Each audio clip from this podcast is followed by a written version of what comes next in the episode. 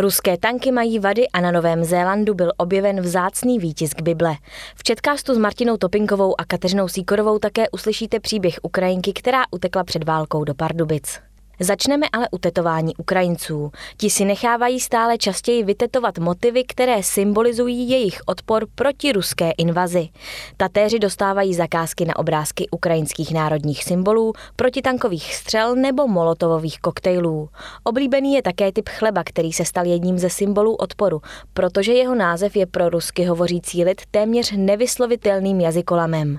Už několik sobot se v kijevské čtvrti, kde se dříve konaly večírky, scházejí dobrovolníci, kteří chtějí pomoci své zemi.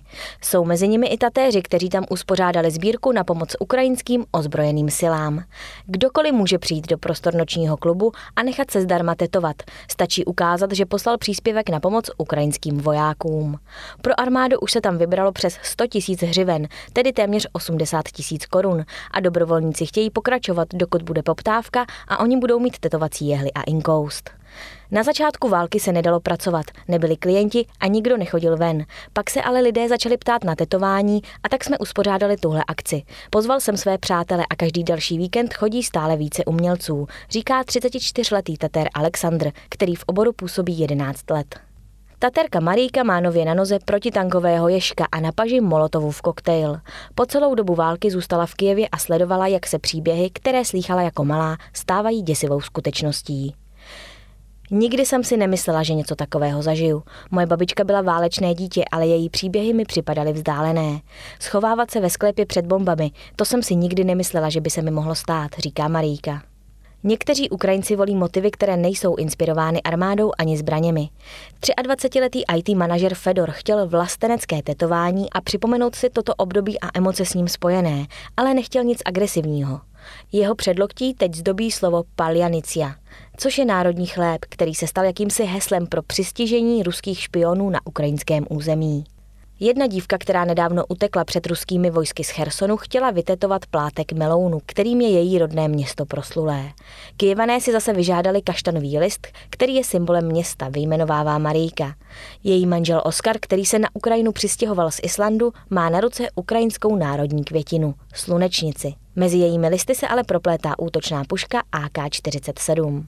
Alexandr například během jedné noci tetoval 12 členů jedné vojenské jednotky. Všichni chtěli mít na ruce její název a státní znak trojzubce a s ruskými jednotkami, které se blížily ke Kijevu, už nechtěli čekat.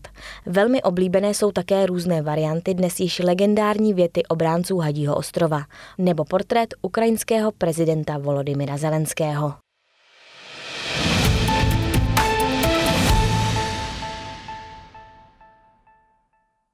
Ukrajinka Valentína Chrycenková pochází z Kijeva. Po ruské invazi se tam bála zůstat.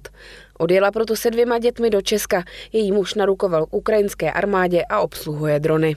V Pardubicích musela 36-letá žena začít nový život, najít si práci, dětem zajistit školu. Mám tady práci, mám ubytování, ale je mi těžko na duši. Chtěla bych se vrátit, ale u nás pořád není bezpečno. Děti musí být v bezpečí. Jejím synům je 7 a 12 let. S chlapci odjela Valentína z Ukrajiny před dvěma měsíci jen se třemi taškami. Spoustu jim toho chybělo. Z humanitárních darů získali mikiny, trička a další oblečení a věci. V Pardubicích jsou výborní lidé, řekla Chrycenková. Na Ukrajině zůstali i její rodiče, kterým dala na starost svého malého psa. Sebou ho vzít nemohla. Chvíli v Česku bydlela Valentína s dětmi u svého bratra, ale ten má jen jeden pokoj a tak se tam nevešli. Valentína spala na podlaze. Díky pardubické organizaci Most Pro, která pomáhá cizincům, se potkala s lidmi z firmy Edera, kteří našli bydlení a platí nájem. U nás ve firmě se lidé ptali, jak mohou Ukrajině pomoct. Rozhodli jsme se, že nejefektivnější bude zajistit uprchlíkům ubytování formou placení nájmu a vybavení bytu, řekl majitel společnosti Antonín Mlejnek. Pomoci na dobu neurčitou, prostě jak bude potřeba, dodal Mlejnek. Firma poskytla dva byty, ve kterých jsou dvě ženy, každá z nich má dvě děti. Obdivovala jsem její pozitivní přístup a energii, která z ní čišela, řekla o Valentíně zaměstnankyně firmy Edera Klára Hejděncová. Na Ukrajině Valentina Chrycenková podnikala, měla obchod s kukuřičným zrnem na výrobu popcornu a prodávala přístroje, které ho zhotovují. Firma musela dočasně zavřít. Pardubicích si brzy našla práci, prodává v bufetu pardubického akvacentra a chlapci začali chodit do základní školy. Kvůli všem změnám v jejím životě nemá tolik času na sport, čehož lituje. S manželem se snaží výdat denně přes videohovory. Komunikujeme přes Viber, je v pořádku, řekla Ukrajinka. Její čeština se zlepšuje, učí se třeba z českých videí na internetu. Cizí jazyky se naštěstí učí snadno, umí anglicky, německy a rusky.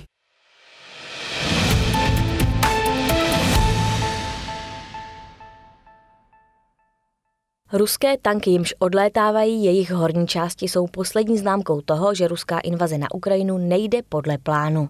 Počet zničených ruských tanků od začátku ofenzivy může být i několik set. Britský ministr obrany Ben Wallace tento týden odhadl, že Rusko jich ztratilo až 580.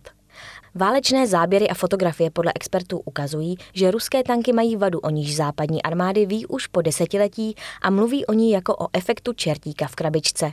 Podle expertů měla Moskva tento problém předvídat. Ten tkví ve způsobu skladování munice v tancích. Na rozdíl od západních vozidel ruské tanky svoji munici vozí v dělových věžích, kvůli čemuž jsou velmi zranitelné. I nepřímý zásah totiž může způsobit řetězovou reakci a následnou explozi celého zásobníku o až 40 střel střelách. Tlaková vlna takového výbuchu může být dost silná na to, aby vystřelila věž tanku do výšky dvoupatrového domu. Pozorujeme vývojovou vadu ruských tanků, uvedl sam Bendet z programu ruských studií při výzkumném centru Nová americká bezpečnost.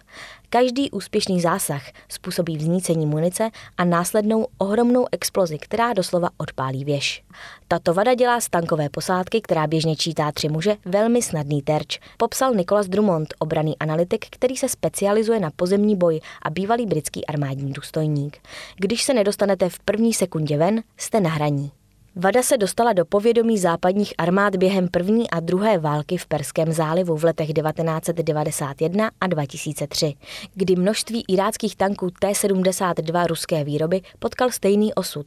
Věže odstřelené od korby tanku po zásahu protitankovou střelou. Rusko se podle Drumonda z Iráku nepoučilo a mnoho jeho tanků na Ukrajině trpí stejnou vadou. Když v roce 1992 přišel do služby tank T-90, následník tanku T-72, jeho pancíř byl vylepšený, ale systém přebíjení zůstal stejný, což z tanku dělá vozidlo stejně zranitelné, jako byl jeho předchůdce. Výjimkou není ani verze T-80, která je nasazená na Ukrajině.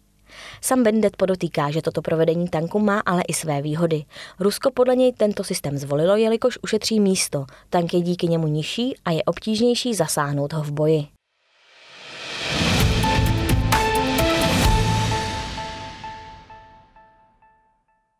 Na Novém Zélandu byl objeven mimořádně vzácný výtisk písma svatého z roku 1631, který díky překlepu v desateru vybízí ke smilnění.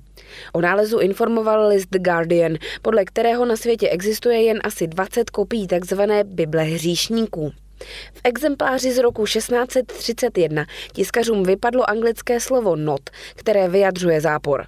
Z šestého přikázání nesesmilníš se tak stalo sesmilníš. Britští královští tiskaři Robert Baker a Martin Lucas vypustili v roce 1631 do oběhu zhruba tisíc výtisků této Bible hříšníků. Skutečnost, že zřejmě z nedopatření změnili význam jednoho z přikázání, vyšla najevo až rok poté. Po odhalení chyby byli oba tiskaři postaveni před soud, který je za překlep napomenul, odebrali jim licenci a udělili jim pokutu. Tehdejší anglický král Karel I. Stuart nařídil spálení všech kopií, většina výtisků byla proto zničena. Čas od času se tyto Bible objevují v aukcích, většinou ve Velké Británii nebo ve Spojených státech. Podle Canterburské univerzity v Christchurchi jde o první výtisk, který byl objeven na jižní polokouli.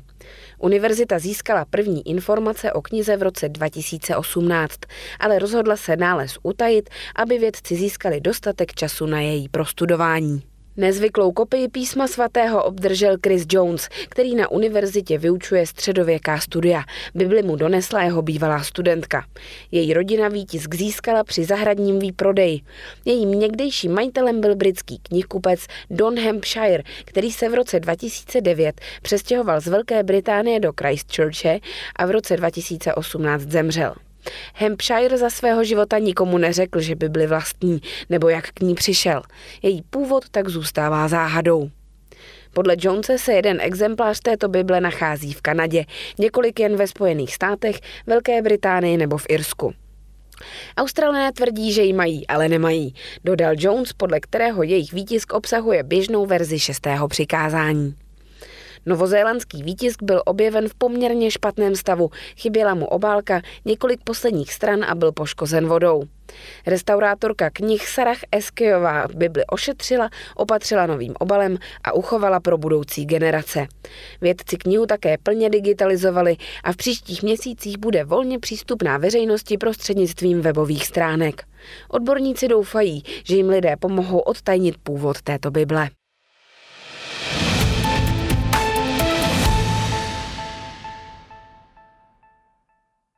Ukrajinském městě Buča u Kyjeva se 5. května konala první svatba od osvobození od ruské okupace, oznámilo podle listu Ukrajinská pravda Ministerstvo spravedlnosti.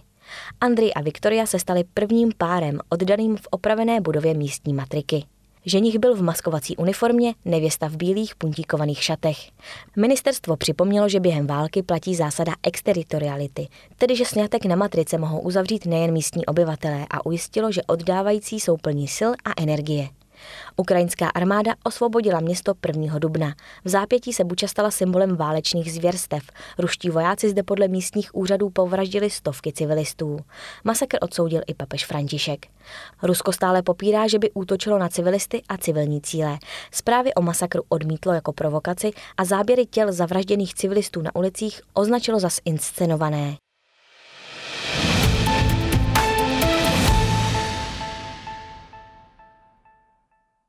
Dres zesnulé fotbalové legendy Diego Maradony ze čtvrtfinále mistrovství světa 1986, ve kterém střelil kontroverzní gól boží rukou, se vydražil za rekordních 9 milionů dolarů, tedy v přepočtu asi za 210 milionů korun.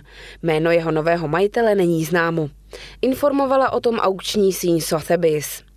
Dosud nejdražším sportovním suvenýrem byl ručně psaný olympijský manifest barona Piera de Coubertina z roku 1892, jenž se před třemi lety vydražil za 8,8 milionů dolarů. Nejdražším drezem prodaným v aukci byl poté trikot Bejba Rutha, ve kterém americký baseballista nastupoval koncem 20. let minulého století. Ten se v roce 2019 prodal za 5,64 milionů dolarů. Dres, ve kterém Maradona odehrál jeden z nejslavnějších zápasů v historii fotbalu, byl v internetové aukci od 20. dubna do 4. května. Jeho dosavadním majitelem byl bývalý záložník Steve Hodge, jenž si po utkání s argentinskou hvězdou trikot vyměnil. Právě Hodgeův odkop Maradona ve čtvrtfinále šampionátu v Mexiku vystihl chvíli předtím, než úderem rukou dostal míč do sítě. Kontroverzní branku poté Maradona, jenž předloni zemřel ve věku 60 let, označil za boží ruku. O čtyři minuty později Maradona ukázal na hřišti i druhou tvář a po úchvatném 60-kilometrovém sólu přes šest protihráčů vstřelil podle mnohých gol století. Argentina nakonec celý turnaj vyhrála. To je z dnešního četkastu vše, naslyšenou za týden.